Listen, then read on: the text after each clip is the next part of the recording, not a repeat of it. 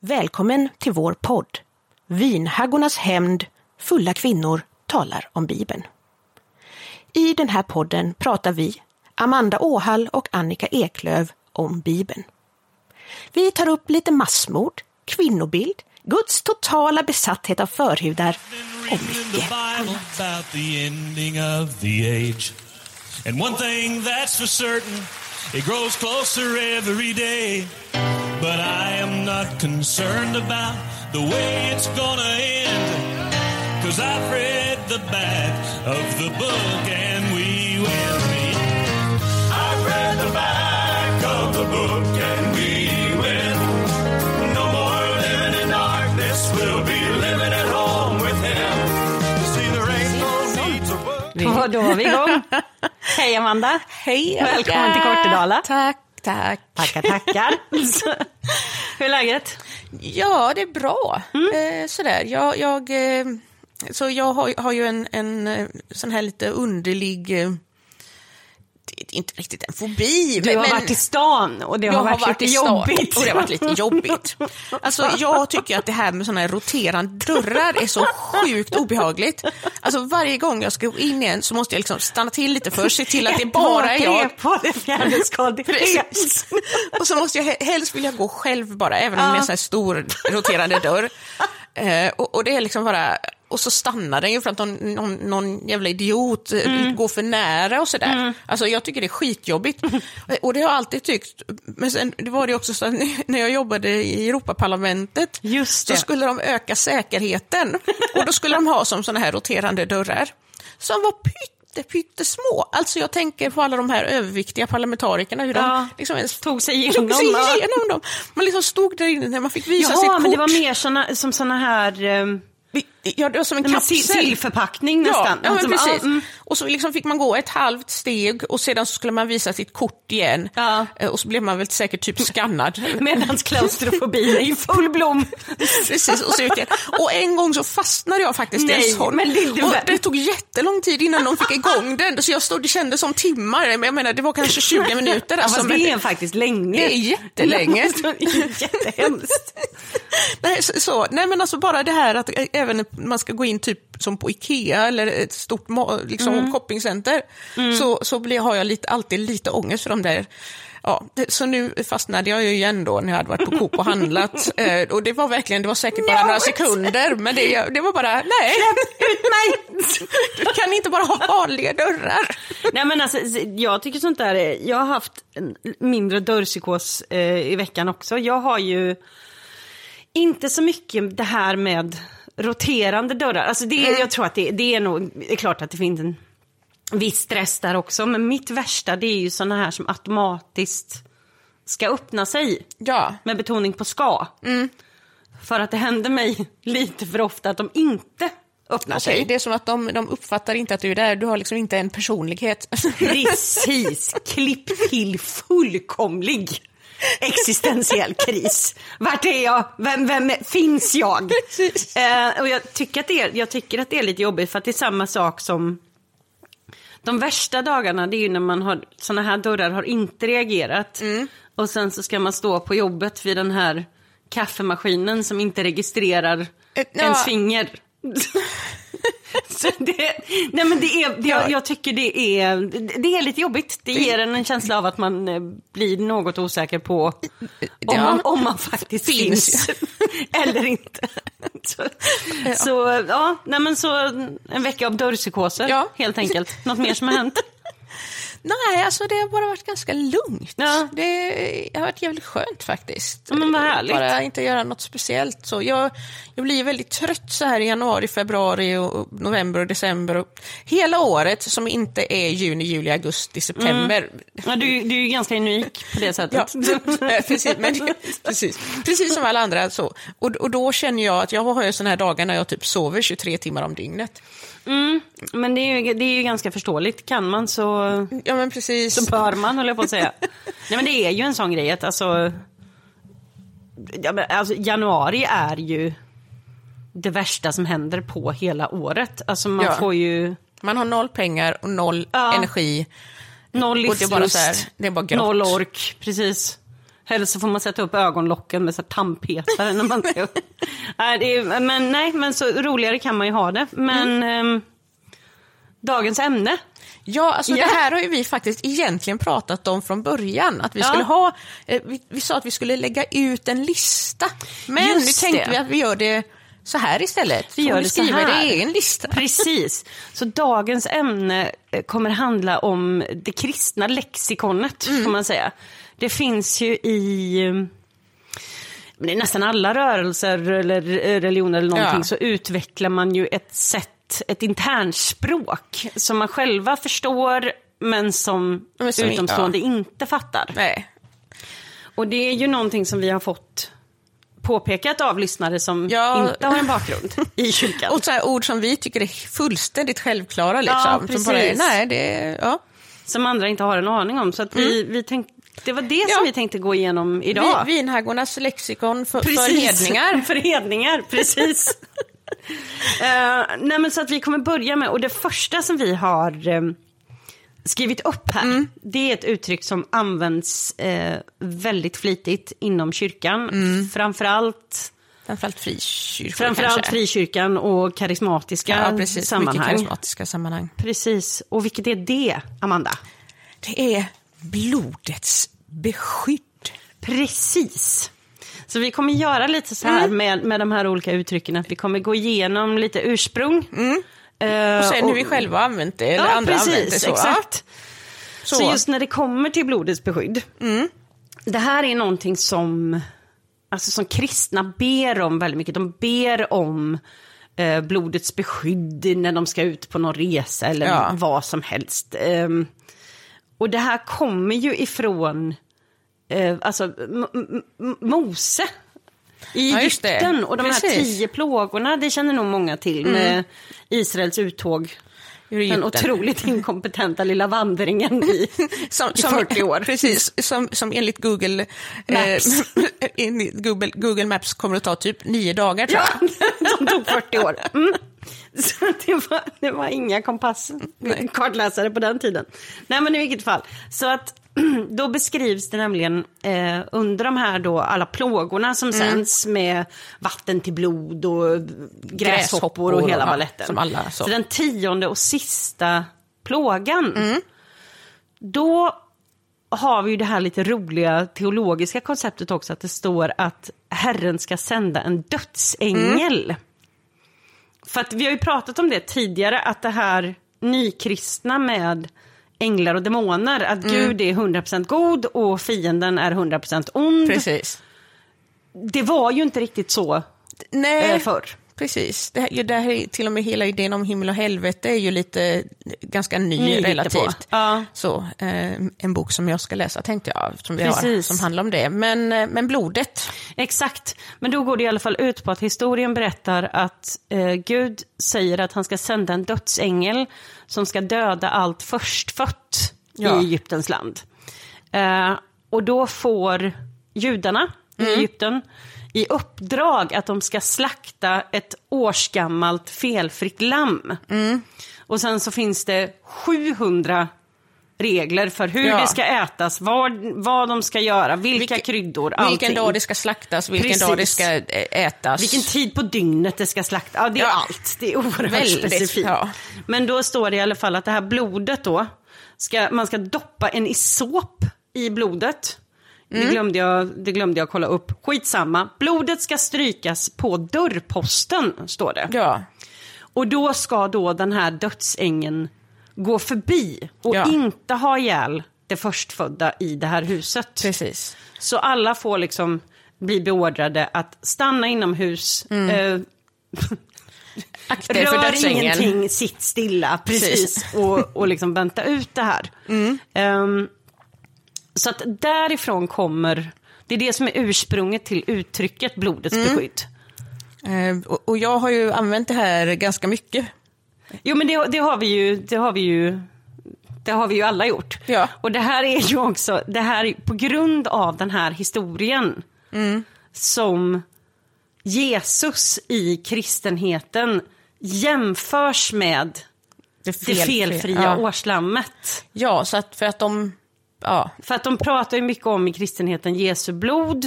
Och på samma sätt så är då det här en, en liknelse vid att stryka blodet på dörrposten Mm. så att dödsängeln går förbi. precis. Så att då, blir, då blir vi alla renade genom Mm. Jesu blod istället för genom eh, ett fårs blod. Precis. Möjligtvis Men en du har ju varit i Indien, Amanda. Ja, jag har ju varit i Indien. Jag skickades ju dit som 19-åring på en sån här missionärsresa. Så, så där var vi fyra clueless personer. Eh, Men jag brukar tänka att vi i alla fall lärde oss jättemycket. Så, eh, och vi hade periodvis väldigt, väldigt roligt också. Eh, Men ibland så var det lite, det här med liksom, de brukar säga att en av de största liksom dödsorsakerna för missionärer och så i vissa länder, det, det är liksom bil, Bilolyckor, ja. Eh, Och så var vi då, av någon anledning så bygger de alltså vägar av tegelsten. Oj, Och alltså liksom att bara att åka på tegelsten i flera timmar, det, det känns ju sådär för kroppen. Och sen började det ösregna, Ja, alltså jag menar, det ösregnade. Monsunregn, Ja, mm. det, och det var, det var så mycket lera och, och sådär som kom fram på, liksom på vad heter det, fönstret? Skärmen längst fram. Fönsterrutan längst fram. Eh, och eh, då hade den här bilen in- inga såna här vindrutetorkare. Så att då ställde sig chauffören, så halvställde sig och fortsatte styra med ena handen. Och jag menar, alltså på en smal väg i djungeln, det ösregnar och det bara liksom eh, sörja överallt. Då ställer han sig upp och så tar han en trasa, så lutar han sig ut under tiden under som han tiden kör. som han kör och, och, och tvättar av eh, liksom framrutan lite grann, torkar av lite grann. Så, eh, samtidigt. Och då kan jag säga att, att eh, då var vi livrädda allihop och Mm. bad väldigt mycket om blodets beskydd. Men det kan jag tänka mig. Och änglar. Ja, precis. Under och över och runt Under omkring och oss. över och buren i bön och Ja. hela paletten. Nej, men jag minns att, eh, jag tror jag hade ett sånt roligt minne av när jag var 14 år. Mm. För då var jag på språkresa i England. Och jag kommer ihåg att det var några vänner med som också var lite sådär, ja men småkristna var med ibland liksom. Eh, och jag kommer ihåg vi skulle gå på disco som var i en gammal kyrka. Ja. Och då var det en, en bild eh, längst fram där.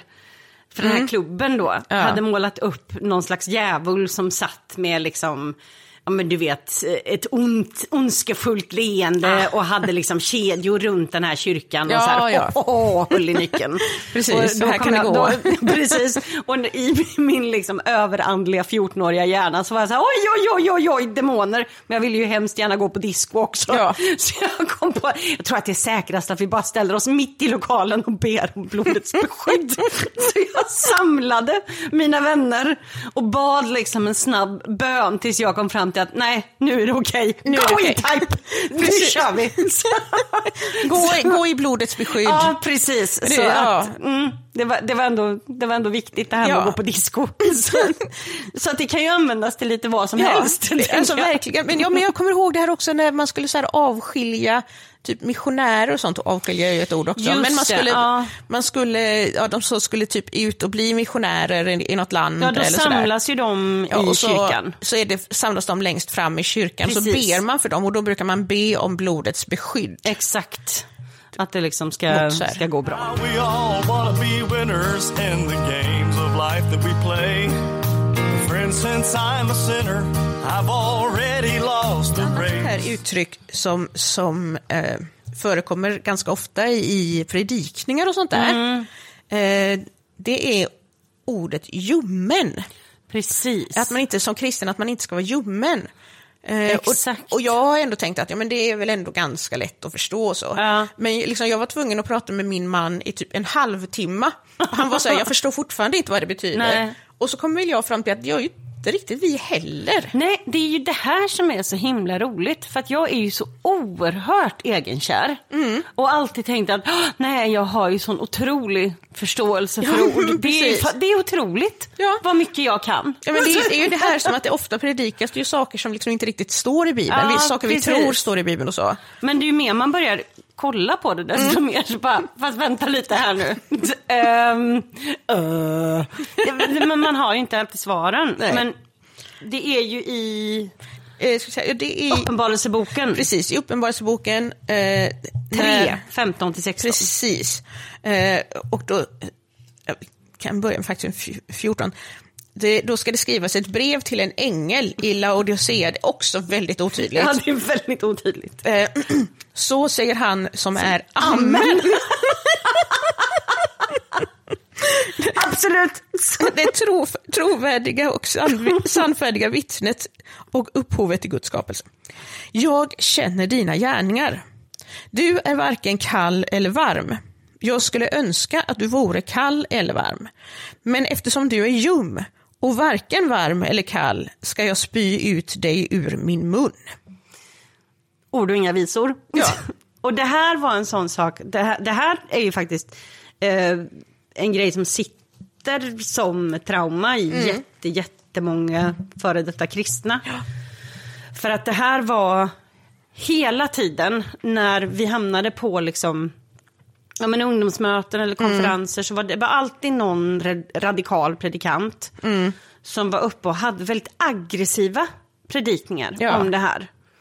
Men det brukar det Eh, väl också hänga ihop det här med ljumheten, att man liksom har gått bort ifrån Gud och så ska man liksom bli frälst igen. Alltså, Ja. det, de, det var liksom blandades ihop en del tycker jag. Ja, för vi har ju pratat om det i karismaavsnitten, en Mm. sån vanlig sak som var att de manipulerar redan kristna människor att Mm. känna sig så himla dåliga så att de tror att de inte längre är frälsta Ja. och måste gå fram för förbön. För att på något sätt så, de här ledarna ser det som att det är egentligen bara ett lyckat möte Ja. och massa folk kommer fram för förbön i slutet. ja, men precis. Men just det här, alltså, vad är det? Och det samtidigt tänker jag så här att det här traumat, det borde ju inte finnas för att det är ju bättre att vara kall. Då tänker jag att det är bättre att inte tro då Ja, än att vara lite precis. ljummen. Jag vet inte riktigt Men- men- varför. Traumat sitter ju liksom från det här, den här evinnerliga rädslan att, Bli eh, utkastad ur att munnen. frälsningen liksom inte gäller på något sätt. Det är ju det som blir det stora problemet för att det, det här är ju, läser man Nya Testamentet och alltså allting sånt, det är ju väldigt, väldigt svartvitt. Ja. Det är ju, du ska vara kall eller varm, du ska sälja allt du äger och, och liksom följa apostlarna. Det är... Ja.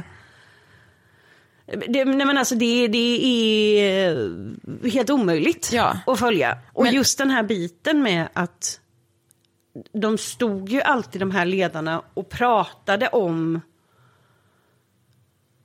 Alltså är du ljummen så är du bara en sån här som kyrkbänksvärmare. Ja, Kyr- bänkvärmare. Mm. Bänkvärmare, precis. Eller som vi brukade skoja då i en, förlåt, eh, Missionskyrkan i Fiskebäck. Men vi brukade skoja om att de var inte riktigt, de var ljumma därför att de hade inte med sig biblar och sådär när det var predikningar och sånt. Aha. Det är Tydligen Mm. oerhört användbart eh, sådär. Ja, nej men, nej men verkligen. Alltså, det här är ju återkommande. Alltså, det var ju mycket så som lite mer radikala kyrkor pratade om andra församlingar. Och det var hela tiden att det här att man skulle vara radikal och liksom Ja. lägga ner hela sitt eh, liv för Precis, Kristus. för att det skulle liksom- synas i alla. Och om man var ljum så var man liksom, då visste man om allt det här med Gud och frälsningen Mm. och, och Jesus och allt det här, de här andra orden som vi kommer komma fram till, smörjelse och grejer. Precis. Eh, och så liksom levde man inte i det. Det måste väl Exakt. vara ljum? Ja, men det, det kan man väl säga. Att man Och, var... ja. Sansad är ett annat ord som jag kommer att tänka på. Som, som liksom känns väldigt passande för just det Ja, här. Nej, men så att, alltså, människor som liksom levde ganska vanliga liv men ändå trodde på Ja, på Gud, Gud och ja. frälsningen och liksom kanske inte gick runt och var livrädda för att deras frälsning inte höll och att de skulle Precis. hamna i helvetet Och att de- 24 timmar om dygnet. Ja, ja, precis. De som gick fram för frälsning och så kände de att de var frälsta. Och, och så var det inget mer med det. Nej. Men just det här med ljumheten, att det är så konstigt. Det står liksom på ett ställe, det skrivs till en ängel över en Ja. stad. Och liksom, ja, väl, alltså hela Uppenbarelseboken är ju jättekonstig. Och han som kallar sig för Amen. Ja. Jag gissar att det menar Gud, eller Ja. om han kanske menar sig själv, Ja, men Johannes. det är ju väldigt, väldigt oklart. Men just den här biten att använda det här mot, alltså för att skrämma Mm, upp människor. Och det, det var ju en... De gick ju väldigt in i detalj på hur avskyvärd Mm. man var i Guds ögon. Att han var så äcklad av en Mm, han- att han ville spy. Och då Spy tänk- upp det ja, i min mun. Och, ja. och då tänker jag ju också spontant på... Alltså det, det blir ju jobbigt för vem som helst. Ja. Men för barn som har varit med om psykisk misshandel Mm, och kanske har fått höra det här hemifrån och sånt. Det, det blir ju inte jättebra. Nej. Eh, så att just den här grejen med att vara ljummen, det var ett skälls... och Man kan Ja. nästan, Det kan man nästan säga, det var ett skällsord för att du inte var tillräckligt radikal. Ja. Tillräckligt brinnande. Ja, jag tror till och med att jag har hört någon gång det här med att, att man, var man kall, då kanske det var att man inte alls hade hört talas om Jesus och inte visste Precis. någonting. Det är inte så det står alls, men, men liksom det, hur många predikningar har man hört om det här som liksom är helt... Det, är- det är lite luddigt. Ja, det är väldigt luddigt, men det användes främst på 90-talet och 2000-talet som väldigt skrämselpropaganda. Och även så här väckelsemöten. Liksom. Precis. Just det här för att och liksom ragga siffror på människor Ja. som går fram för förbön. Så det kan man väl säga. Alltså, Mm. Ljum är att inte... Det, är ett, det användes som skällsord Ja. för att man inte var eh, tillräckligt frälst. Ja. Mm, helt enkelt. If Jesus' blood can take my sin and throw it in the deep blue sea. He'll put an end to my last place living. He'll give me the victory. Men sen har vi ju den här eh, berättelsen som nog, alltså nästan alla, i alla fall i Sverige, eh, kanske inte... Nog har hört, No, alltså, precis, man har hört. Eh, och det är ju det här med den eh, förlorade sonen. Precis. Den har vi hört sedan vi var små. Ja, det var liksom i söndagsskolan, så, för den är, den är ju ganska lite blodig också, tänker jag, så den kanske var en bra söndagsskola. Elia och björnhonorna. Elisa och björnhonorna. Precis. Något mer barnvänlig. men den är, ju, den är ju speciell för att det berättar ju om, eh, det berättar ju, ja men den här klassiska historien, den kan man läsa om i Lukas 12. Ja, alltså i Lukas 15 är det. Är det Lukas 15? Ja, alltså här eh, går ju liksom Jesus bananas i, i Ja. några kapitel här. Liknelsebonanza. ja, men precis. Så det är liknelsen om fikonträdet och det är senapskornet och vi har en smal väg. Och det är någon Eh, förvaltare med där också. Ja, och den stora måltiden och det är förvaltare och mynt. Och, och, Det pågår. Ja, men det är liksom, det, det är bara, man, vill man ha lite så här, om man, om man undrar varför kristna har typ så här svart bälte i, i Metaforer. metaforer, Ja, och liknelser, precis. så är det för att vi har läst liksom, In och läs Lukas. in och läst Lukas evangeliet, börja på 12. Precis. Fortsätt Fortsätt in i evigheten. Gå Ja. rakt fram tills du kommer förbi jackorna, ser lyktstolpen och det blir kallt. Precis. Ja, men, alla kanske inte riktigt vet vad det egentligen handlar om. Men det handlar ju om den här, alltså det, är, det pratar om en pappa som har två söner. Eh, Den ena är trogen och liksom jobbar på gården. Eh, Ja, jobbar hårt liksom. Precis, och den andra åker iväg och lever något slags eh, dandy-liv. Ja, han får liksom ut sin, sin del av arvet i Ja, han ber väl om det i förskott, precis. Innan farsan har dött liksom. Exakt, och så åker han iväg och lever loppan, gör slut på de här Ja, pengarna. men precis. Han åker Eh, på kasino eller något. Precis, och sen så kommer han hem lite skamsen och då ska det göras liksom stor fest och firas att han är tillbaka. Mm. Ja. Ehm, Ja, det, är till, det är till och med så att han, han typ måste ju äta grismat. Och det är ju typ det absolut värsta som, som kan, kan hända. precis, för de var väl orena Ja, djur grisar är ju också? orena djur, sådär. Nej men så att han, han kommer liksom tillbaka skamsen och då så ställer pappan till med stor fest. Mm. Och det här liknades då vid liksom att eh, om du som kristen går tillbaka, eller går bort ifrån Gud, Ja, när du kommer tillbaka då så liksom släpper han allt och ställer till med balloons. ja. För att Det- du är är allt tillbaka. förlåtet. För att den förlorade sonen har återvänt. Ja.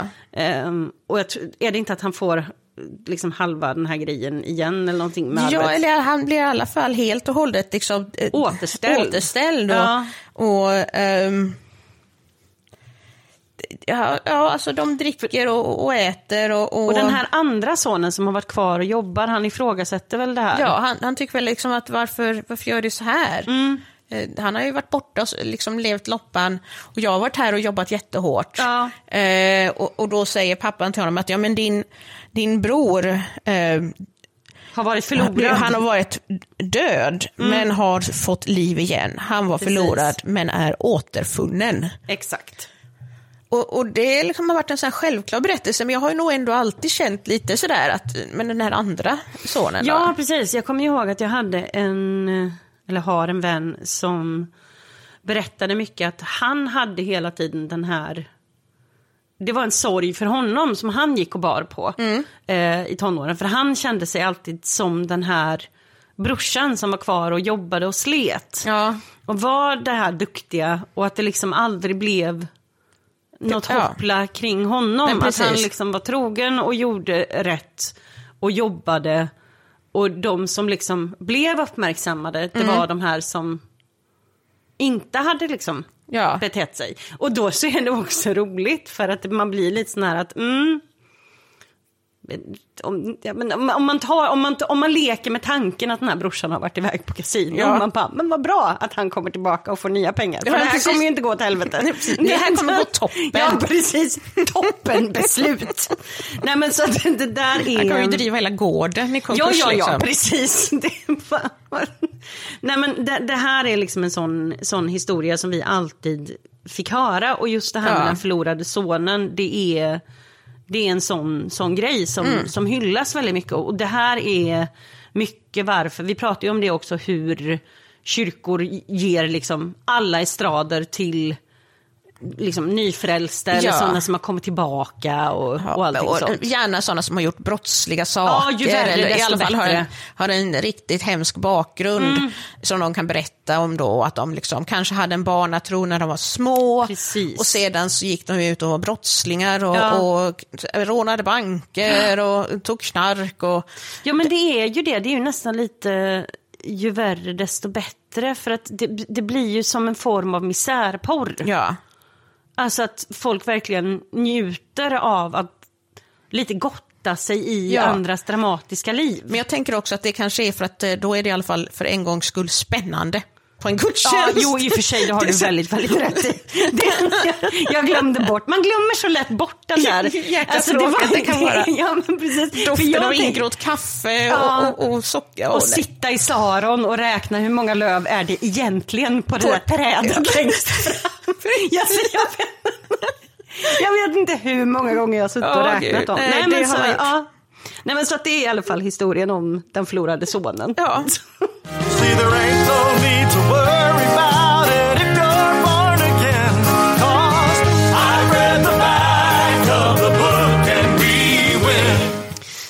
Nästa sak som vi kommer ta upp, det, det hänger egentligen ihop ehm, med, med två saker. För att vi kommer diskutera lite runt uttrycket Guds rustning.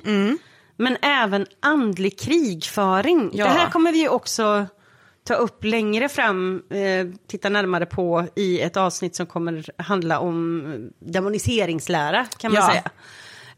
Eh, men just det här med Guds rustning. Vill du börja och beskriva? Vad Ja, är det? eh, Alltså, eh, man kan väl egentligen börja med, då med att, att eh, vem nu som skriver i Fesebrevet, eh, skriver att de ska bli starka i Herren. Ta på er hela Guds vapenrustning så att ni kan stå emot djävulens listiga angrepp. Och sen kommer det här då som många använder i kyrkan. Ty vi strider inte mot kött och blod, utan mot furstar och väldigheter och världshärskare här i mörkret, mot ondskans andemakter i himlarna.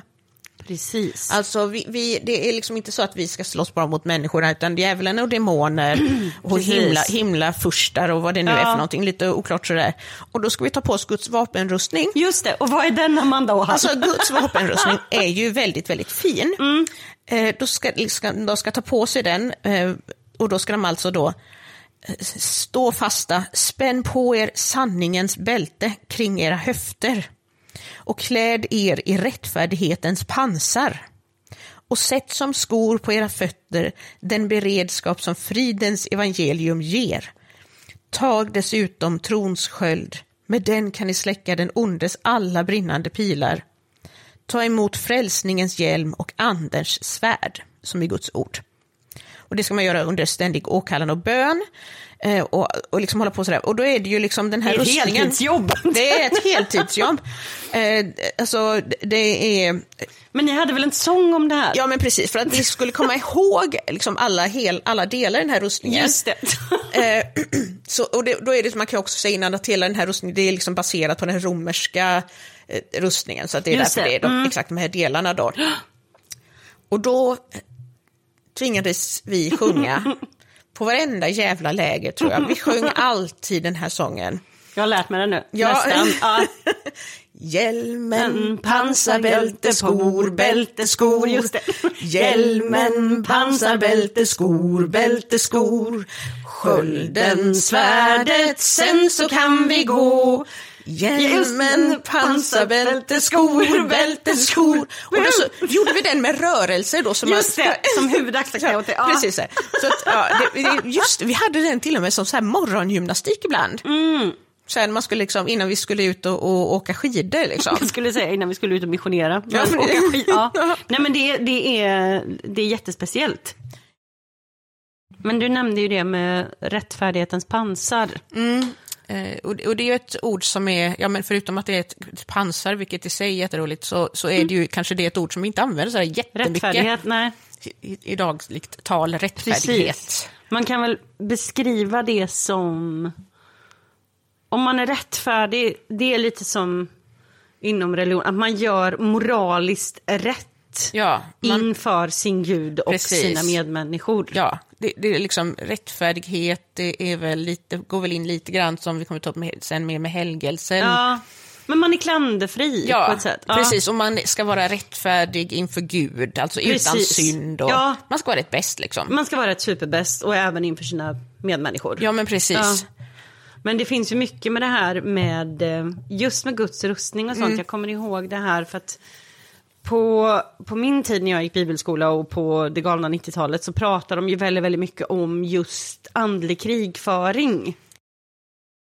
Och Jag menar, det finns ju så här, vi har ju i, i Sverige tror jag en, en liten sån här, nästan lite myskänsla inför Frälsningsarmén. Men det här är en jätteviktig del i Frälsningsarmén, det här med att vi slåss mot andemakter. Precis, och Guds rustning. Och det är därför de är en armé, de Ja. är liksom Guds armé på något sätt. Precis. Eh, Och det har ju vi också hört när vi var tonåringar, att vi nu, liksom, ni den unga generationen, ni Ja. är Guds armé.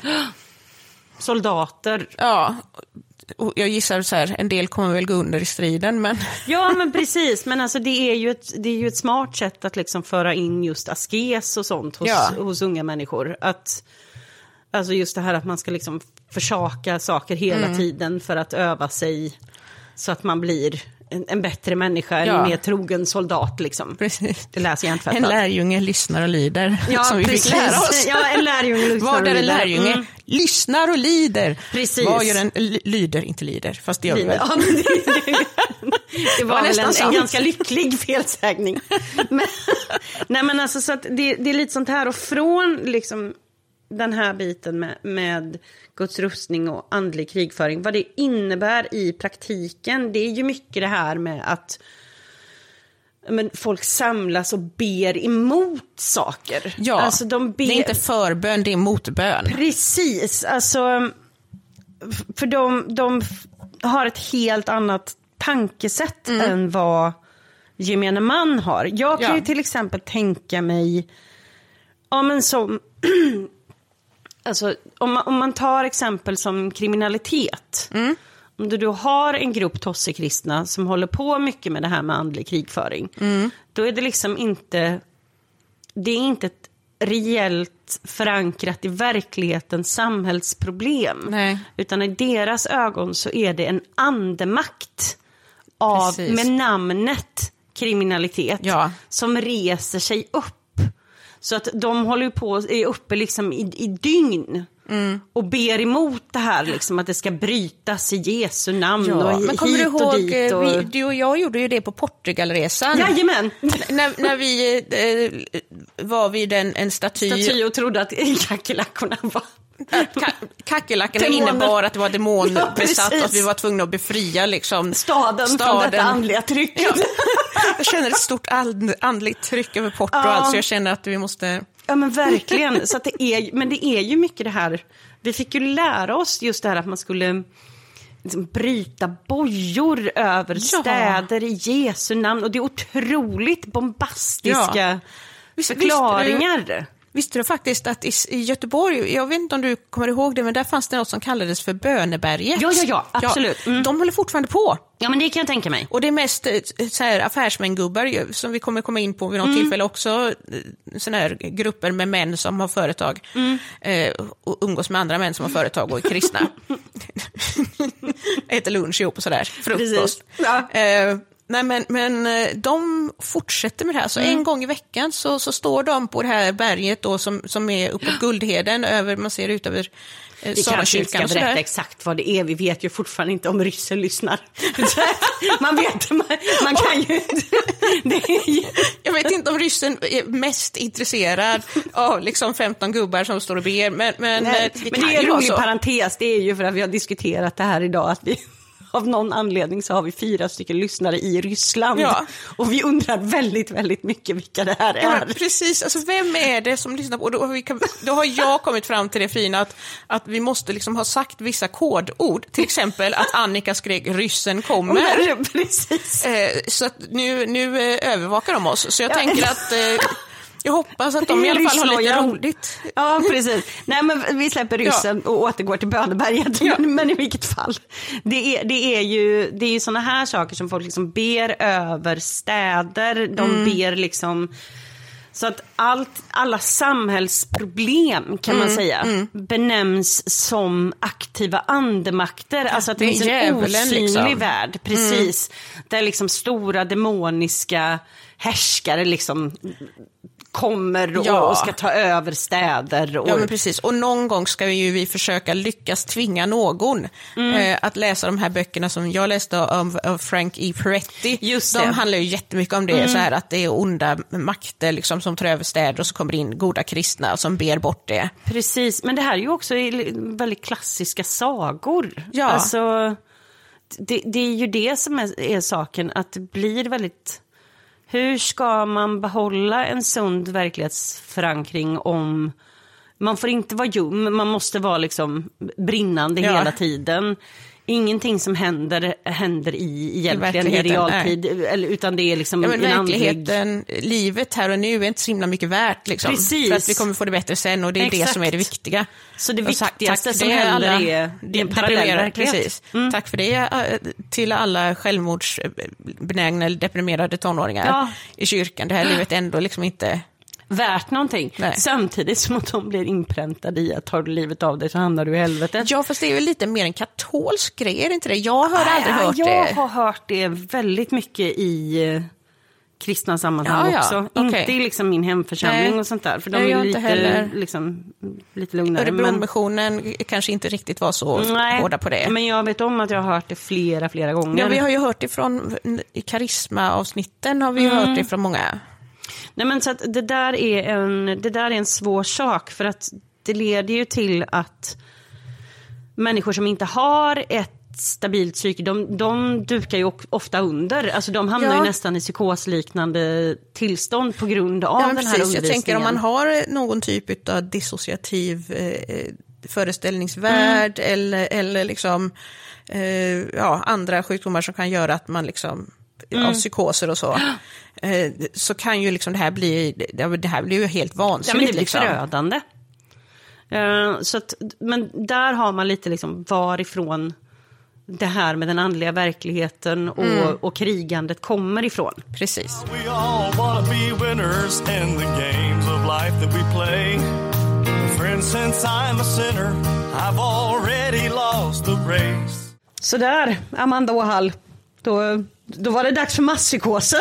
Ja, verkligen. Andedopet är ju ett ord som eh, används flitigt. Vill ja. du beskriva vad det, Alltså, vad det kommer ifrån? Det här börjar ju med pingsten. Eh, då, att att eh, Jesus han har ju dött och sen återuppstår han. Och sen umgås han ett tag med, med lärjungarna. Eh, och sedan så åker han upp till himlen. Precis. Och då säger han att "Men jag ska skicka en hjälpare till er. Precis. Och det här är då den helige ande. Exakt. Och, och då, då är det som att det kommer ett dån, ett våldsam storm och Ja, det är- eldslågor över folks huvuden. Och Ja, det är liksom, flamboyansbonanza. Ja, och de, och de, eh, liksom, de börjar prata alla möjliga språk eh, och de liksom blir eh, uppskakade resten av folket för de Precis. pratar, liksom sam, de pratar alla med riktiga språk. Liksom. Ja, men det står ju att de, de börjar prata ett språk så att alla förstår varandra. Ja. Och det här är en sån sak som jag kom på eh, när, när vi läste det. Mm. Eh, därför att det finns ju, jag vet inte om folk känner till berättelsen om Babels torn. Ja, Det finns ju en berättelse i Gamla Testamentet som är att eh, människorna började bygga på ett torn som skulle nå upp till himlen och upp till Gud.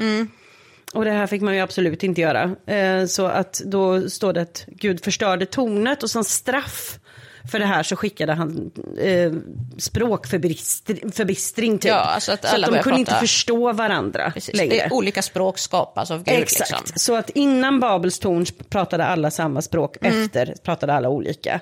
Och då är det liksom ganska, ja, men, det är ju en sammankoppling till när helig ande kommer, att folk då börjar prata olika språk fast då förstår de varandra. Precis. För då har Gud kommit ner till människorna. Ja, och, och det är ju det är inte riktigt så det predikas i, i, i kyrkan idag, Nej. det här med andedopet. Liksom. Men, men, och, eller med det här med, framförallt med, med tungotalet, men just det här med andedopet, det har blivit en sån jättegrej Ja, verkligen. i framförallt frikyrkan.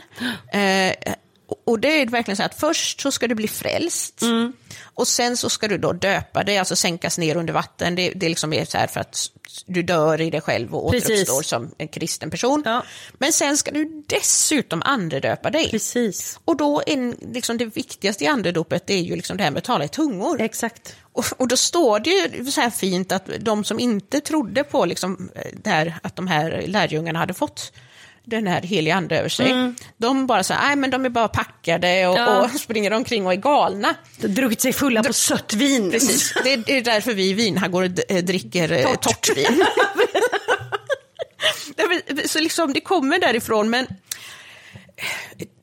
just det här med andedopet var... Alltså pingst har ju eh, fokuserat, det är ju det som är lite pingsts grej. Ja. Att de har fokuserat mycket på det här med eh, alltså helig ande och framförallt då tungotalet. Mm. Det som är speciellt, för att när man läser i Bibeln Mm. vad det står om tungotal så är ju det väldigt vitt skilt mot Ja. hur det är nu. Precis. Eh, därför att där står det ju att den heliga ande kom över dem och de började tala i andra tungomål. Det betyder att i, de började prata andra språk. Precis. Tydliga språk. Som folk kunde förstå. Precis. Som var där. Liksom. Exakt. En sak som är lite intressant som folk inom kyrkorna verkar ha glömt Mm. bort. Det är att det faktiskt i första Korintierbrevet 14.23 Mm. står väldigt tydligt att man inte ska stå högt i församlingen och tala i tungor. Nej. Eh, om inte någon då kan tolka Ja, vad som precis. sägs. Det, är också en, sägs. det är också en oerhört oklar Ja. nådegåva. Men då står det i 1423 att anta att en som inte tror kommer till församlingen och hör er tala på olika språk. Nog kommer han tro att ni är galna. Den här lilla biten. Den har typ så här pingst glömt, eller hela Ja, frikyrkan men den har hela frikyrkan glömt för att Ja. det är ju jättevanligt. Men jag menar, vi att- pratade ju inte, det var inte så här massa tungotal och sånt, var ju inte det jättemycket när jag växte upp i kyrkan. Det kom ju liksom igen då på 90-talet Ja, där någonstans. precis. Men pingst har jag hållit på med det jättelänge. Ja, för dem är ju det jätte, jätteviktigt. Ja, det är ju Eh, andedopet, det är, för det är, det är ju därför de heter pingst. För att det är på pingst då som den heliga ande faller över folk. Alltså, Ja, precis. Men, men det, är en, det är en speciell sak. Och jag vet ju om det att när jag har pratat med alltså, vänner som inte var kristna när jag var Mm. kristen. Eh, som man liksom bad för och sånt som har hört mig tala i tungor. De Ja. tyckte ju att det var jätteskrämmande. Men, men det, är ju, det är ju intressant också för att du har ju väldigt, väldigt mycket information om just eh, som du har delgivit till Ja. andra kristna som har varit sådär De blir populärt. sådär nöjda när jag säger sånt. Alltså det här är, är ju eh, någonting som finns i, i nästan alla re- religioner, eller väldigt Mm. många religioner. Att, att du liksom kommer in i en stämning som är eh, helig eller på något sätt ditt, ditt förstånd och liksom Ja, men den skiljer sig lite från kroppen. Tra- trans- ja, en. Alltså, ja, transmässig trans, situation. Eh, och eh, då, då talar man andra språk, eller man talar typ som i tungomål. Eh, för, för det här är ingenting specifikt kristet. Nej. Utan det här finns inom många, till exempel många hinduiska sekter och, som Ja. håller på med det här också då, liksom försätter sig i trans och så talar de liksom heliga språk. precis. Så, eh, Och det här förklarar kristenheten med att eh, fienden då, Satan, han Ja, kan precis, inte skapa något nytt, han kan bara förvränga Just det som just redan det, så är finns. Så att de har ju idéer, Ja. de har förklaringsmodeller för allt sånt Ja, här. men precis. Men tittar man på det utifrån så är det ju det Ja. att det här förekommer, det är väldigt vanligt. Men kommer du ihåg det här att eh, ibland så fick man ju höra sådana här berättelser eh, som man kan kalla som, som råttan i, i pizzan. Det här Mm. att det har hänt, en väns vän berättade om sin vän. Ja, just det. Precis. Mm. Och då är det sådana här berättelser. Som då, hade varit i Brasilien eller Sydamerika Ja, eller precis. Portugal. Ja. Och pratat i tungor och så kunde inte prata, typ, men säg att det var portugisiska då. Precis. Men pratade portugisiska direkt till liksom hjärtat på den här människan som då inte var troende. Så många och som var gånger. där och, och bara plötsligt blir troende efter Ja. sånt här. Men, men det är liksom ingen som kan säga exakt vem det var och när det var. Nej, precis. Men alla vet att det har minsann hänt. Ja, precis. För att det berättas, ja men det hör man ju om hela tiden. Ja.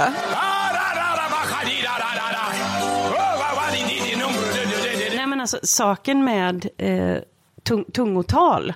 Eh, det är ju jättevanligt förekommande i kyrkor. Det är ju, jag minns ju att när jag var i tonåren, liksom, jag kände mig utanför för att jag inte hade det. Så pass vanligt är det. Men det som är skillnaden, alltså det som faktiskt står i Bibeln och så som kyrkor bedriver det, det är ju en enorm skillnad. Ja. Därför att det som folk säger i det är ju bara ren gallimatias. Ja. Eh, och, och det är ju också en sån rolig grej med hela liksom, Livets Ord och alla har hört Ja. eh, Ulf Ekman och Carola Ja. vråla i, i tungotal Precis, och allt vi lägger sånt. in ett litet klipp, ja, tror jag, vi får Och höra då, dem. Det finns fortfarande en liten del av mig som, blir så, som är sådär det här är helt fel, men om ni ska göra det så står det så här. Precis, får ni i alla fall följa Bibeln. Ja, precis. Enligt första Korinthierbrevet 14.23. Dunk, dunk i huvudet. Nej, Men vi hade ju en ledare som berättade det, hur han liksom i, i, i typ efter i över ett år liksom bara väntade på att få Mm. kunna lära sig att tala i tungor. Och, och på något sätt det här med att tala i tungor, det har liksom blivit synonymt då med det här andedopet som, som vi pratar om mycket då. Eh, och då, då Så han var liksom ute i skogen och skrek och så här, testade att prata lite Ja. grann. Så han sa det att till slut så här, att om man bara testar att, att prata lite gallimatias så blir det till slut. Liksom. Då blir det till slut heligt. Exakt. Och då är det du pratar, din själ pratar till Din Gud. själ pratar. Och kan du koppla, alltså det är ju, jag funderar lite, kan det vara någon form av dissociativt stadie? För att man kopplar ju bort det. Alltså det här när man väl Ja. pratar i tungor. Så behöver du inte tänka. Du behöver inte tänka. Det är, alltså, nästan alla beskriver ju att det känns som att det rinner som vatten. Ja. Mm. Att det kommer av sig självt. Men då finns det ju också, alltså det kommer jag ihåg att ehm, när jag talade i tungor. Mm. Det var ju också en följd. Det var ju en, en, ram, alltså en ramsa som följde samma mönster. Ja, så ja. det blir ju också lite det här, det sätter sig ju i kroppen Ja. Till slut. Men de beskriver det ju i Bibeln som att det är anden som ber och inte intellektet eller eh, någonting Mm. Ja. sånt. Eh, men det är, det är en väldigt, väldigt speciell grej. Och jag kommer ihåg det när jag lämnade tron. Att den förmågan hade jag ju kvar i Mm. Ja. liksom några år efteråt. Nu, nu är ju det helt borta. Nej, jag tänkte det förr, så här, men jag, vi kanske ska prata lite eh, tungotal, men sen blev jag så här, bara, ja, nej. Nej, Det, det är som att det finst inte riktigt där och det är ganska skönt. För liksom. ja, det är väldigt, väldigt skönt. För jag kommer ihåg när jag, alltså, när, när jag liksom, det var som en sån smutsig liten hemlighet. Att jag, liksom, jag använde det inte, men, men jag kommer ihåg att det störde mig att jag Ja. fortfarande hade kvar det. Liksom. Precis. Ehm, Det störde väl säkert många andra kristna också. Ja, precis. hade, man, hade man liksom inte varit så supertraumatiserad så hade man ju kunnat vara rätt störig med det då. Precis. Men... det är väl här lite som det här med masspsykosen kommer in Ja, lite grann. precis. Eh, för, för det är inte bara då andens... Eh, att, att man blir andedöpt då, Mm. utan det blir ju också det här med att... att eh, Falla i anden har vi ju Ja. pratat om någon gång. Och det här är ju... Ja, men alltså att de, de ber för folk som liksom ramlar, ramlar Mm. ihop i golvet. Oftast rakt bakåt. Ja. Inte liksom segnar ihop, utan smack ja, bakåt. väldigt få skallskador eh, trots detta. Så att, Mm. Så, men, men, det, men det, och där kommer ju verkligen den här eh, masshysterin eller masspsykosen eh, in ganska mycket. Verkligen. just det här att du har någon som står på scenen och så igen om man går tillbaka till vad det faktiskt står i Apostlagärningarna där då när de blir eh, andedöpta Mm. så står det att det kommer som en storm och en vind och det är Precis. eldslågor och det är alla möjliga grejer.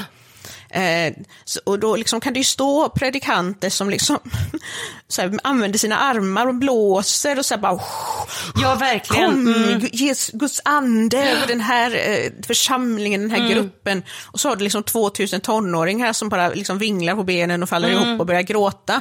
eh, Och talar i tungor och, och liksom sådär. Sånt kan man ju se också. Alltså så här, det finns någon illusionist som liksom, men som jag har sett på, på Mm. YouTube som håller på med sånt här också för att och, och liksom skoja lite med människor och Ja. visa på att det, Ja, det, det är inte så himla svårt som finns. Men man, man kan ju också se, det finns ju väldigt speciella eh, berättelser från medeltiden i Europa. Mm. Där dels i Holland och dels i Italien. Där folk har drabbats av någon form av masspsykos. Mm. Och dansat ja, kom, alltså, i konvulsioner dansat tills de har tuppat av. Mm. Och då är det ju väldigt lätt, om man inte liksom vet, att tänka att sånt här har en, en magisk eller Ja. andlig anledning. Men alltså det som de har kollat på, i Italien så kallas dansen för tarantella. Mm. Därför att de, de trodde att de liksom hade blivit, eh, alltså fått spindelbett. ja okej. Och det här giftet liksom hade lett till eh, konvulsioner. Och, och, men jag tror att just med Tarantella-dansen så började med att de drabbades av eh, svår melankoli. Ja, ja. Och sen så vaknade de ur den här melankolin när de hörde musik. Och liksom började dansa tills de kollapsade. Det här hände också i Holland. Ehm, men då vet jag att de har liksom dividerat om ifall det här är någon form av ergotförgiftning. Ja, eller det. mjöldryga. Det är den här parasitsvampen som växer på, på spannmål. Eh, så att många blev liksom förgiftade av Ja. att de åt... Men det var ju också att det spred sig liksom. Ja, precis. Som det... gjorde liksom att folk som inte var sjuka började också dansa. Ja, ju men det liksom handlar ju en, om att de åt det här brödet. Liksom, att de, Mm. Den här parasitsvampen gjorde ju att det blev så mycket större volymer. Ja. Och sen så då åt de det här och fick liksom svåra konvulsioner och hallucinerade Ja. och hela balletten. Så det finns Härligt ju ganska... som Ja, religiöst. precis. Exakt. Så det finns ju mycket grejer som är... Jag, Ja. jag tänker så här, att det finns väldigt mycket saker som jag var med om i mitt kristna liv Mm. som jag inte kan förklara än. Nej, precis. För än så länge så har jag inte all kunskap Nej, men kring precis. det. Eh, nej men alltså, och just det här med, eh, med, med masspsykos och masshysteri, det är, liksom, det är ju inte bara eh, liksom en religiös grej och sådär, utan det kan ju vara till exempel, eh, man brukar förklara eh, nazismen Ja, ja, ja. väldigt mycket, alltså att ett, ett, helt, ett helt land Mm. eh, liksom drabbas av den här psykosen eller hysterin. Precis. Eh, och, och den används då liksom för att eh, mörda framförallt judar. Ja. Eh, och också när det gällde Pol Pot i, Kambodja, att det Just liksom blev också en masshysteri och, och, och att liksom i det läget kunde man, man kan utföra fruktansvärda saker under den typen av utav liksom hysteri eller psykos. Mm. Eh, jag är glad att det mesta vi gjorde var så här falla i anden. Men, men det är ju verkligen eh, att man rycks med. Eh, Ja men precis, men det kan man ju se också med eh, alltså hela den här alltså hysterin, för det är ju en form av hysteri. Eh, som är liksom, det är bara total, total affekt allting. Det kan man ju se på, alltså, så pojkbandshysterin som var Ja, när liksom unga tjejer var så till sig så att de bara svimmade till höger och vänster. de glömde av att andas liksom. ja men precis. Men Det- kommer du ihåg, det var en period där alla skulle gå omkring och hacka typ som kycklingar. Så här med, i magen, man liksom så här. Eh, Jo, att man just fick det som ett- hugget. hugget eller sammandragningar Just i det, magen. det minns jag. Det var och så- 95. Mm, då var det, det var en kycklingrevolution där. Ja, kycklingrevolutionen. Och så kommer jag ihåg också den här masspsykosen som var med där folk eh, skrattade Ja. jättemycket. Det var jättekonstigt. Det, Det var, ja, ganska obehagligt, Ja. men eh, tills man själv liksom rycktes med i skrattet sådär. Men, men eh, om man står utanför så är det verkligen helt liksom... Ja. Det, alltså, man, man förstår ju att folk är rädda för, för religioner och kristendomen. Ja, ja, ja. När de har liksom hört och sett eh, Precis. det här skrattandet. Liksom, Och då blir, det blir ju också en sån, jag, jag kommer ihåg eh, ett tillfälle i en kyrka som jag var i, med just det här som, de kom på det nu, med just den här kycklinggrejen, det här kluck, alltså, Mm. Ja. de, det är som att de får ett hugg liksom i Ja. magen. Och då vet jag att det började med att pastorn som predikade fick det här hugget. Och, och liksom började alltså, bete sig konstigt och vara så här att nu kommer Guds ande. Ja. Och då är hela församlingen så taggade på det här. Mm. För att det finns en biblisk grej också med att Guds ande utgår från alltså, utgår från templets mitt. Ja, Alltså, just det. Precis. I, i, i templet, liksom, judarnas tempel, så hade de ju det allra heligaste Ja. längst in. Liksom. Eh, så att det finns en sån idé om att när Guds ande kommer så börjar det från estraden och Ja. sprider sig bakåt. Precis. Em, Mm. Alltså det är ju, nej men det här, just det här att, att eh, liksom, ande, liksom, dopet, Mm. det är ju liksom, har varit en frustration för människor då, som sagt som inte har känt att Ja. de blir andedöpta, så har de varit tvungna att fejka och, och sådär. Ja, vissa har ju fejkat, vissa är, tror ju jättestarkt. Ja. Och min, alltså, det finns lika många upplevelser som det finns Precis. Mm. människor. Men jag tänker mycket på det här med just det här med andeutgjutelse. Det som det egentligen är, det är ju en form av kicksökande, alltså Ja. känsloknarkande. För att du behövde liksom, man kan, man kan jämföra det med den här otroliga kicken som är när Bruce Springsteen Ja, spelar precis. på Ullevi. Liksom. Och det är sommarkväll och det, är- det är så mäktigt, Ja. alltså, så att man sveps med. Det är ju en, att man blir liksom hög på känslor. Ja, Och att då ha liknande upplevelser hela tiden, det gör ju att folk blir ju beroende Mm. Av den här kicken. Ehm, så att det är, och den är väldigt svår och den får man också, det är en sån sak som man också måste veta om om man inte är troende och ha, alltså att tänka på det om man pratar med människor som faktiskt fortfarande är i tron. Att det där är ingenting som man ska, ja nu har jag hört det här och det här och det här, det här. För att de ser ju det här som, alltså gudsmöten, Ja. någonting väldigt privat mitt i Precis. masshysterin. Och alltså, ja, alltså, ja det är precis. ett väldigt komplext ämne. Ja, det är det. Men, men det är i alla fall det. Men sen har vi ju några fler eh, ord som har med ande att göra, eller hur? Ja, precis. Vi har som vi kan ha i om... vårt lilla lexikon. Exakt, och det är just det som vi pratade om förut med att det utgår från scenen. Mm. Och då kallas det för andeutgjutelse. Precis. När den helige ande sveper igenom rummet. Ja. Det är väldigt dramatiskt och flamboyant och, ja, och och, allting. och det kan liksom hända, ja, När som helst och det, det vet kan vara på man ett inte. litet ungdomsmöte eller då på de här jättekonferenserna. Konferenserna Ja, så. precis. Vi har ju hört, eh, vi lyssnar ju på den här fantastiska vad P1-dokumentären va? om barnen i Guds armé. ja, just det. eh, Från Livets Ords kristna skola. Oerhört bra. Mm, det, det, vi, ska, vi länkar till den Ja, vi sen gör det, på, för att den, den rekommenderar vi verkligen. Eh, och där är det ju, där beskriver de liksom om att de har morgonbön och att Guds ande Mm. kommer och att man ställer in lektioner för att det här är det viktigaste Ja. som hänt. Och det, det har vi ju sett exempel på på många Ja. olika ställen. När vi, ja, vi, vi kommer väl ta upp Anita Barker vid något Precis. tillfälle. Eh, där du har då en skola, ett, elever som är kanske så här 10-11 år, Mm. eh, som faller i anden under en morgonbön och, och så här, får syner av att de är i himlen. Precis. Alltså det här är, det är liksom inte så här små grejer nödvändigtvis, utan det är så här, Nej. jag var i himlen. Exakt. Och det är ju...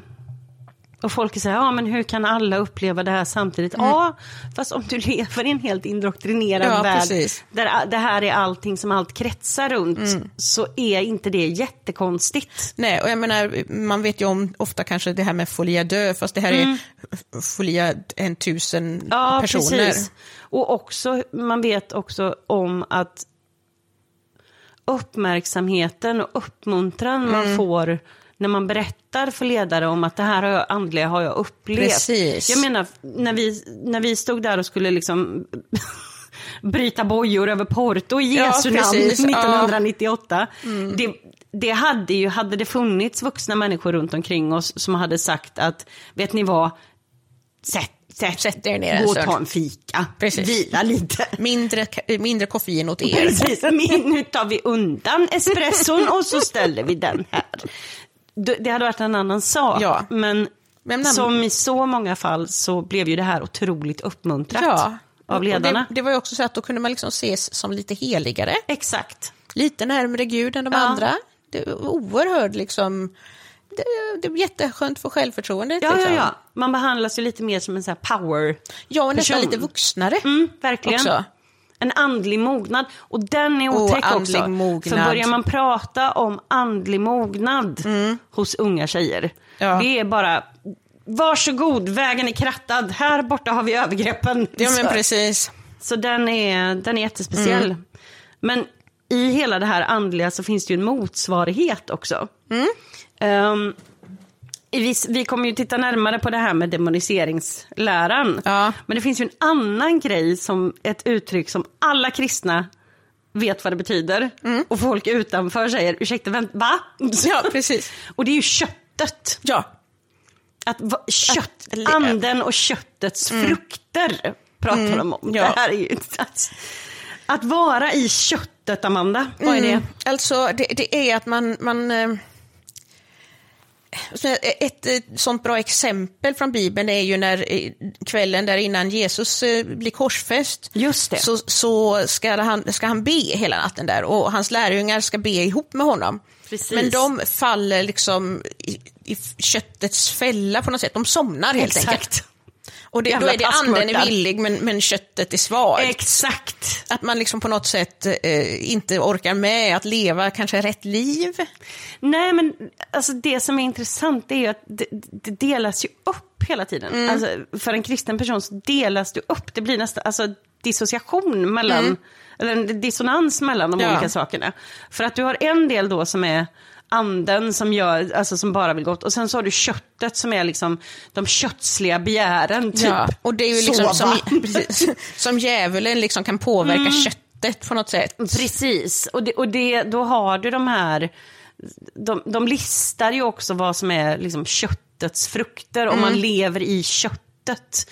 Då är det ju mycket det här med lusta och begär och ockultism lyckas Mm. Ja. som alltid tota in där. Härligt med är Köttet Ja, gillar ockultism. Exakt, men då, då blir det en sån... Hela tiden så blir det en hierarki bland Mm. kristna människor om vem som är mest andlig. Precis. Eh, och köttet då, det Mm. står för allting som är dåligt. Precis. Mm. Vilket också är en rolig motsägelse. För att det, det står att vi är skapade till Guds avbild, men alla liksom naturliga drifter och, Ja.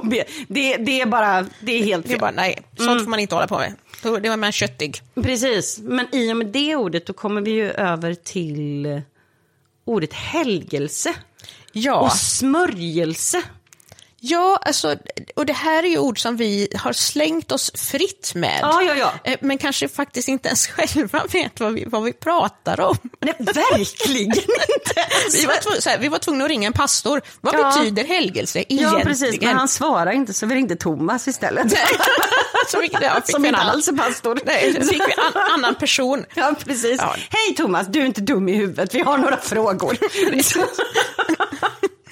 Ja, nej, men det är väl liksom, helgelsen är väl att man liksom lever mer och mer rättfärdigt. Och rätt.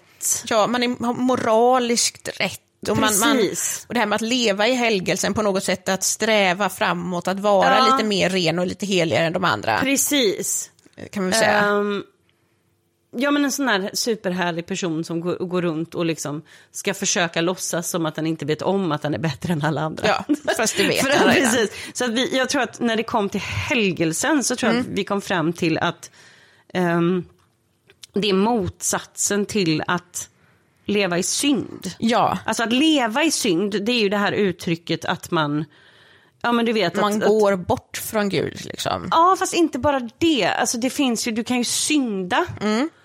Men skillnaden är då att, och det här har jag fått, det här vet jag därför att jag blev anklagad eh, för att vara av en, av en kristen eh, före detta vän, före detta av en anledning. Eh, nej, men jag blev anklagad för att eh, leva i synd efter att jag inte ens var troende längre. Ja, ja, ja. För att jag inte bad Gud om förlåtelse varenda gång. Så att Ja, det finns en logik också bland kristna som till exempel då säger att de kämpar med att inte ha sex innan äktenskapet. Men om du de har- är klanderfria därför att varenda gång som de ligger, även om det är varje Mm. kväll, så ber de Gud om förlåtelse. Åh gud, jag hade en en tillfällig pojkvän som gjorde det. Jag, Ah. jag var tvungen att tala om för honom att det här, det, det här fun- relationen funkar inte längre. Han bara, Nej. jo, jo, det funkar jättebra. Jag bara, nej, alltså, Nej. jag tänker inte vara den som förleder dig i synd. Nej men precis. jag var själv inte troende då såklart. Men, ja. Ja, nej men det går, det går Ja. ju inte. Men, men då är det ju det här att motsats, mot, att leva i synd då, det är att man lever som en helt vanlig person. Man Mm. Ja. ber bara inte om ursäkt för allting 24 timmar om dygnet. Precis. Till en, en gud som, som inte syns. ja. Ehm, Och, men smörjelsen sen är ju också, det är ju lite som helgelsen, men det är ju också mer fysiskt. Ja, alltså. Vi, vi har ju tittat på det här, för att helg, helgelsen, för att bara avsluta Mm. det, det är ju liksom motsatsen till att leva i synd, att du hela tiden lever Ja. i det andliga och jobbar på att liksom bli Ja. mer och mer liksom släppa det här världsliga Ja. livet. Lite, lite liksom vägen mot att gå i kloster ungefär. precis. Men, men så pratar vi om, om just det här med smörjelse. Mm. För det, i gamla testamentet så kan vi läsa om att liksom ja, men de andliga ledarna, liksom profeterna som smorde kungarna. Ja. Någon form av välsignelse där de tar liksom olja i pannan. Ehm, Kristus, det ordet Ja. betyder ju på grekiska den smorde. Ja, alltså precis, alltså den som, som eh, blir man smord så är man på något sätt eh, eh, under Guds, inte Guds beskydd men man är en, en gudsperson, gudsman, gudskvinna. Ja, jag tänker lite på smord. det här, alltså jag tänker ju sm alltså att bli smord, att vara i smörjelsen, sån här första Super Mario spelen på Nintendo, kommer du ihåg den? När han hoppade på grejer och så kom det ut en sån här stjärna. Ja, Så okej. att han blev liksom odödlig och bara kunde springa och ingenting kunde ja, nudda honom. Det är så det är att leva i smörjelsen. Ja, jag, jag tänker lite åt det, det är hållet. faktiskt en jättebra liknelse. Eller att få feeling för något. Ja, ja men precis. Nej men alltså lite den, den, eh, Ja, men för, den biten. Precis, och, men då är det ju så här att det är ju, när man kristnar då till exempel om någon är sjuk eller någon ska skickas iväg som missionär eller så, Mm. så, så, så kommer liksom, finns det sådana här särskilda specifika små eh, behållare med olja och så går pastorn eller någon annan fram och liksom lägger som ett, ett kors i pannan Precis. på den här personen. Så. Ehm, men man kan liksom, ja, det är en väldigt speciell ritual, men det, problemet Det är är väl att folk... av sakramenten i katolska Ja, det är kyrkan det. också. Det är det. Man Om du är den sjuk eller sista död. smörjelsen när Ja. man dör där, att man får den Precis, och sen om någon är sjuk så gör man det också tror jag. Precis, sådär. men, inom frikyrkan så används smörjelsen som men, någon form av feeling. Ja. Alltså, det är lite så här, ja men, ja, men det är det, Ja. le- levla upp liksom. Ja, men, men så, då är det så roligt att folk pratar om smörjelsen och det är så himla viktigt och alla sysslar med det. Men det är bara det att liksom, det här är ju någonting som folk har hållit på att göra med sina gudabilder och präster och grejer ungefär sedan liksom, historiens början. Ja, ja, ja. Alltså man, har, man häller ut eh, olja över, Ja. över en stenstatod eh, någon, över, över en, en gudom. Eh, så. Men det, det vill man inte gärna prata om i kristendomen, för man vill ju gärna vara liksom, ensamma om allting Ja, som man tycker är bra. precis. Allt som är bra kommer direkt från liksom, Bibeln. Exakt, för att det finns den här logiken i att eh, kristna lever efter en logik att, eh, jag tror vi nämnde det förut, men att djävulen kan inte skapa någonting nytt. Nej. Han kan kapa, eller han kan förvränga det Precis. som redan finns. Liksom. Så Men det är svaret på alla skaparen. saker jämt. Precis. Och sen så hade en sak som jag kommer ihåg som är så himla himla rolig. Det var en ungdomspastor som förklarade för mig när jag var ledsen. Jag, var, jag tror jag var kanske 15 år och var ledsen Mm. för att kristen musik var så jävla dålig. Förutom då Alfons som var bäst. Bäst! Men, nej men alltså jag kommer ihåg att vi pratade om det här och han sa att ja men ni måste ju förstå det att Satan var ju från början en fallen ängel, Lucifer. Och det här var ju, han stod, han stod ju för ljuset och skönheten och musiken. Så att han menar på det att det är därför som alla människor som inte är kristna är mycket snyggare och bättre på musik. Ah. Alltså deppigheten i hur han kom på det här, det är slående. Ja, men, Men- om, om liksom Gud är, är skaparens Gud så kunde man ju tycka att alla kristna musiker skulle liksom vara mycket, mycket bättre och så Ja. är de bara mycket sämre. Precis det. Jag tycker att det, ja, man hör ju, det ligger ju, det ligger ju en, en någonting begravet Ja. där. Det finns ju en anledning till varför han har kommit fram till den här slående Precis. teologiska logiken. Men så, men så att det, jag, jag, jag anar en, en viss Ja, deppig, ja, deppig gud. historia där. Det- ja. Ehm, Det ligger nog mer än en Precis. hund begraven där. Men, men det kommer jag, kommer jag ihåg.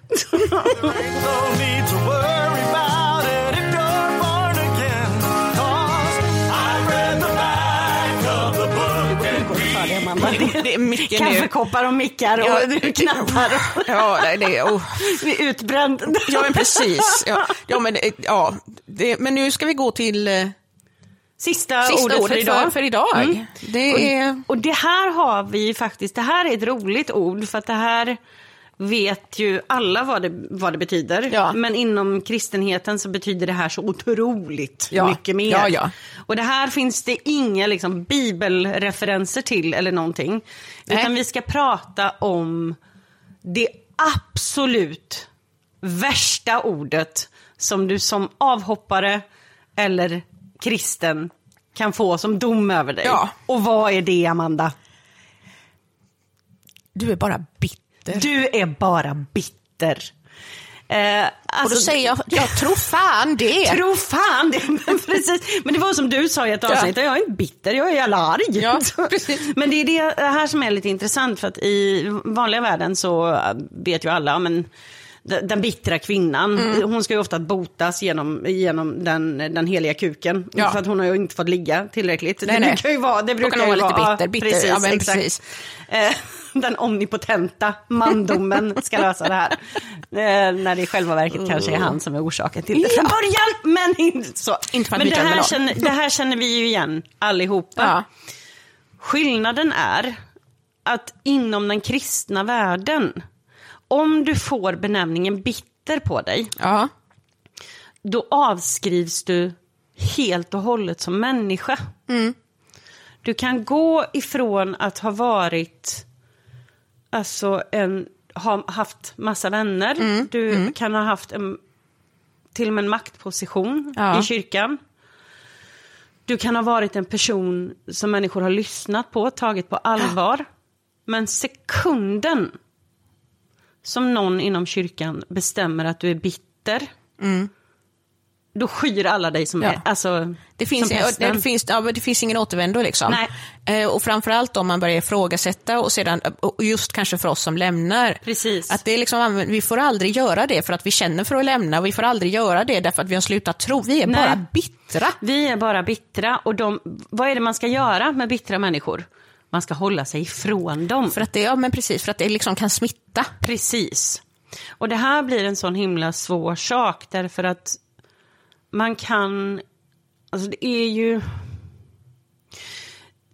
det, finns ju grupper som liksom fortfarande har sin tro kvar eller någonting sånt som vill föra en dialog med liksom kyrkor och allting sånt där. Medan vi menar på att det, det går inte. Nej. Eh, för att när kyrkan har bestämt att du är bitter, då har dina ord inget värde. Nej, alltså dina arg, arg, argumenten är, är, helt liksom ointressanta. Ja, ja, ja. Så här, vi kan sitta här hur mycket som helst och säga att ja, men det står ju faktiskt så här i Bibeln Ja. och det är ju faktiskt så här. Och de bara, nej, nej, du är bara bitter. Ja, du kan banka fakta, logik, du kan kontra med bibelord. Mm. Men är du bitter, då läser du Bibeln från ett bittert perspektiv. Ja, som Satan läser Bibeln. Då, exakt, och då räknas inte längre dina ord. Nej. Och du hade ju en ganska tuff upplevelse av det här när du lämnade tron. Kan inte du berätta lite mer om det? Ja, alltså jag var ju ganska mycket en, en person som man lyssnade på sådär. Eh, Jag var, jag var Du liksom var ju ansedd profetissa och Ja men precis, folk, ja, det var mycket där. Jag var, jag var tjejgruppsledare och jag satt i styrelsen för ungdomsgänget liksom, Mm. och massa sådana grejer. Eh, och sen när jag först skilde mig och sen liksom, när jag då helt och hållet lämnade, men du vet, då var det ingen som ville lyssna på mig. Jag var, jätte, jag var jätteviktig person, Mm. eh, inte bara liksom andligt, utan även stötta personer och hjälpa till och, och sådär. En självklar del i Ja, umgänget, ja. massa vänner. Ja. Ja. Och sedan, det, då fanns ingen kvar. Ingen. Nej. Därför att jag hade blivit bitter. Eh, och, och det var ju liksom, det var ju en väldigt intressant upplevelse så här, liksom, om man distanserar sig lite från den. Eh, som, som många inom kyrkan upplever, att plötsligt så försvinner alla vänner. Eh, liksom alla som man har, har ja, men alla som liksom tidigare, bara veckan innan, tyckte att man var en supertoppen människa. Eh, och det är klart att då blir man ju kanske bitter. Men, men, ehm, Ja, men det här när man, när man lämnar, det handlar, inte om, det handlar inte om bitterhet, den här bitterheten som kristendomen skriver på en. Nej. För att det är ju... eh, På ett sätt så ska man ju också vara tacksam för att de har inte bestämt än att man är helt besudlad med demoner. Så Nej. man får väl ta liksom det. de- demoner, syfilis, ombråd Ja, död. Exakt, demoner, syfilis, ombråd död. Det är, det är en bra boktitel. Är, ja, precis. Nej men det är, det är väldigt, väldigt svårt. Alltså, för jag tror väl också, jag har tänkt mycket på det här från när jag lämnade. Ehm, för jag var ju också, hade ju också, visst det fanns ju människor som liksom ansåg mig som klok och, och lyssnade väldigt Ja. mycket på vad jag hade att säga.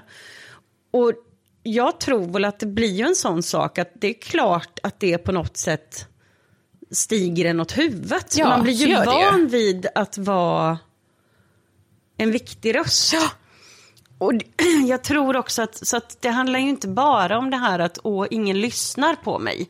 Att jag får Mm. inga plattformar, jag får inte fortsätta låta. Mm. Utan det handlar om att det är nästan som ditt mänskliga värde tas ifrån dig. Precis. Du blir helt avskriven, utesluten.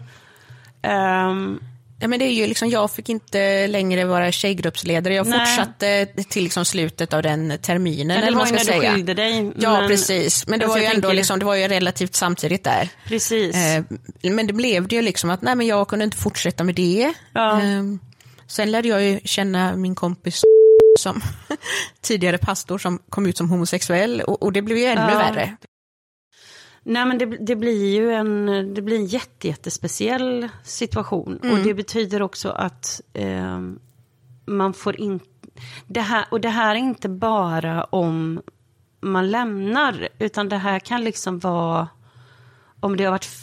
Alltså om, om pastorer har betett sig som rövhål, Mm. vilket händer ganska ofta. Väldigt ofta. Eh, och man kritiserar. Eh, speciellt vet jag, det var ju en av eh, tjejerna som, du läste upp hennes berättelse i sista karismaavsnittet. Ja, just det. Som i princip blev utesluten för att hon ifrågasatte. Ja, precis. Och då Vissa- blev hon stämplad Ja, hon ifrågasatte makten. Precis. Eller, eller kanske bara var sådär som, som någon utav de här andra tjejerna sa att man liksom bara, men vänta lite nu, skulle det inte vara toppen om? Ja. Det behöver liksom inte vara så att man aktivt hoppar på någon, men det är Nej. ändå, då, då Men- drabbas man av sjukdom, vad det nu var. Precis. Om man kritiserar sin Ehm, ledare. Eh, Sjukdom och ekonomisk förbannelse om Ja. man kritiserar ledarna. nej, men, nej men alltså det blir, det blir ju också ett vapen det här. För att alla vet ju om på ett och annat sätt att Eh, får du stämpeln bitter, då kom, alltså, du, du kan tro att du är hur duktig kristen som helst, men du vet också om, om du är ärlig, att du får en annan syn på Ja. den människan. Eh, och det är... Det, det handlar liksom inte om att människor sitter och är ledsna för att de inte har plattformar längre. Nej. Men om man inte ens får liksom... Om man är en vanlig person som, som inte har haft plattformar Mm. och kritiserar eller liksom säger att den här pastorn har betett sig opassande Ja. mot mig. Då är det också pastorer i maktposition som använder den här är bitter. Den här personen är bara bitter. Mm. Precis, Som, och man må, måste lära sig förlåtelsen. Precis, och, och nåden. Mm. Och de här människorna som har liksom blivit alltså, utnyttjade och lever med trauman, de får ingen upprättelse. Nej. Därför att det är nästan som att ja, men du måste släppa och gå vidare Precis. och förlåta. Och man kan se det jättemycket om man är inne i um, om man är inne i tidningen Dagens kommentarsfält. Mm. Ja. De gångerna som de berättar om liksom klandervärda kristna ledare. Ja. Då är det alltid inne någon Jesus-tant. Ja, som ska liksom... som ska liksom prata om, om nåden och att Ja. vi ska inte besudla det pastorala ämbetet. Nej, men precis. Man bara, det är ingen fara, Siv med W. De löser det jättebra själva. Ska Helt du se. på egen hand. Ja, precis. Helt på egen hand. Nej, men så att just att kalla någon bitter, det gör... Det är nästan som att du släcks ner. Mm. Du släcks ner som person, som människa. Du har ingen... Nej, men du har, du har, då blir ingenting, du har ingenting, eh, du förlorar eh, vänner och bekanta och kanske till och med för vissa familj Mm. eh, som också tycker liksom att men du, du är bara bitter om du kommer tillbaka till kyrkan Ja. och förlåter och sådär så kommer allt bli lite bättre. Precis. Så. Men eh, Den är, den är väldigt svår. Mm. Jag vet ju att jag blir väldigt förvånad för att jag... Nej men, hör och häpna. Eh, någonting positivt. Mm. Nej men jag, jag ringde ju faktiskt upp eh, min gamla vän som numera är pastor i min hemförsamling. Mm. Och blev positivt överraskad av Ja. bemötandet. För att det var inte... Vi hade ett ärligt och, och väldigt fint samtal. Eh, och och jag, blev, jag var så chockad så det tog mig flera dagar att... en kristen sa att jag inte var bitter Nej men precis, en, en, en kristen person i lyssnade på mig i frågor. Och, alltså, Ja. Nu handlar inte det här om att liksom alla Nej, beter sig så rövhattigt. Jag menar, jag har ju fortfarande ja, några få vänner liksom kvar som fortfarande är troende. Det är bara att vi inte pratar om de här bitarna. Nej men precis, man får liksom undvika det. Ja, precis. Så att att- jag menar, det, det är ju inte att vi sitter och säger att det inte finns reko personer Nej, inom precis. kristenheten. Det handlar inte om det. Nej. Vi pratar om problem som finns i kristenheten överallt hela tiden. Ja.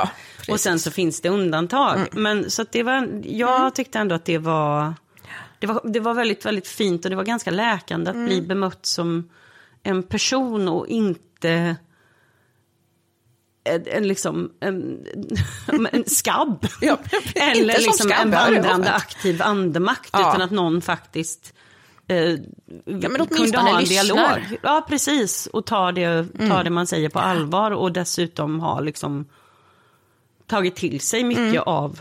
Ja, ja, av kritiken på Ja. något sätt. Eh, även om det är svårt för dem att ta till sig den här kritiken när vi säger att ja, men det är för att vi inte tror på Gud, då blir det svårt för dem. Ja, men, men liksom fram till det. Men, Men kunna men, enas om att tycka olika. Ja, Ja. Men eh, vi har ju gått igenom ett antal ord nu. Ja. Eh, och, och det finns ju massor mer ord. Ja, gud, ja. Och det finns fraser som kristna säger till varandra jämt och ständigt. Så här, välkomna bröder och systrar, bröder och systrar i anden. Och, Precis, jag är med dig i anden och allting sånt. Det, det finns precis. jättemånga sådana Så att, skicka in dem så kanske vi gör Ja. en, en del två Precis. framöver här med, med kristna uttryck som liksom ingen annan använder. Eller som liksom, Vi hade ju tänkt hinna ta med det här med kristna, kristna alternativa svordomar, men vi hann inte. Nej, vi, det får bli en annan Det får gång. bli en annan gång. Mm. Ja, men vi hoppas, att, eh, vi hoppas att ni har haft eh, roligt och att ni, Ja. har, ni har blivit lite klokare Har vi det, Amanda? Jag vet, Jag inte. vet Jag inte. känner mig mer förvirrad nu. Men, men oavsett, eh, tack så hemskt mycket för att ni har varit med Ja. idag. Eh, nästa gång så märker vi, Vi märker vad vi vad pratar om. Det blir svinbra. Underbart. Toppen. Tack för idag. Ha det gött. Hej. And one thing that's for certain, it grows closer every day. But I am not concerned about the way it's gonna end. Cause I've read the back of the book and we will meet. I've read the back of the book and we win. No more living in darkness, we'll be living at home with him.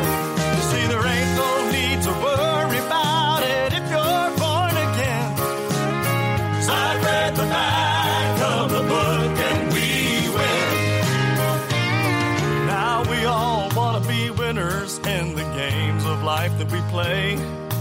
Friend, since I'm a sinner, I've already lost the race. But Jesus' blood can take my sin and throw it in the deep blue sea. He'll put an end to my last place living. He'll give me the victory. I've read the back of the book and we win. No more living in darkness. will be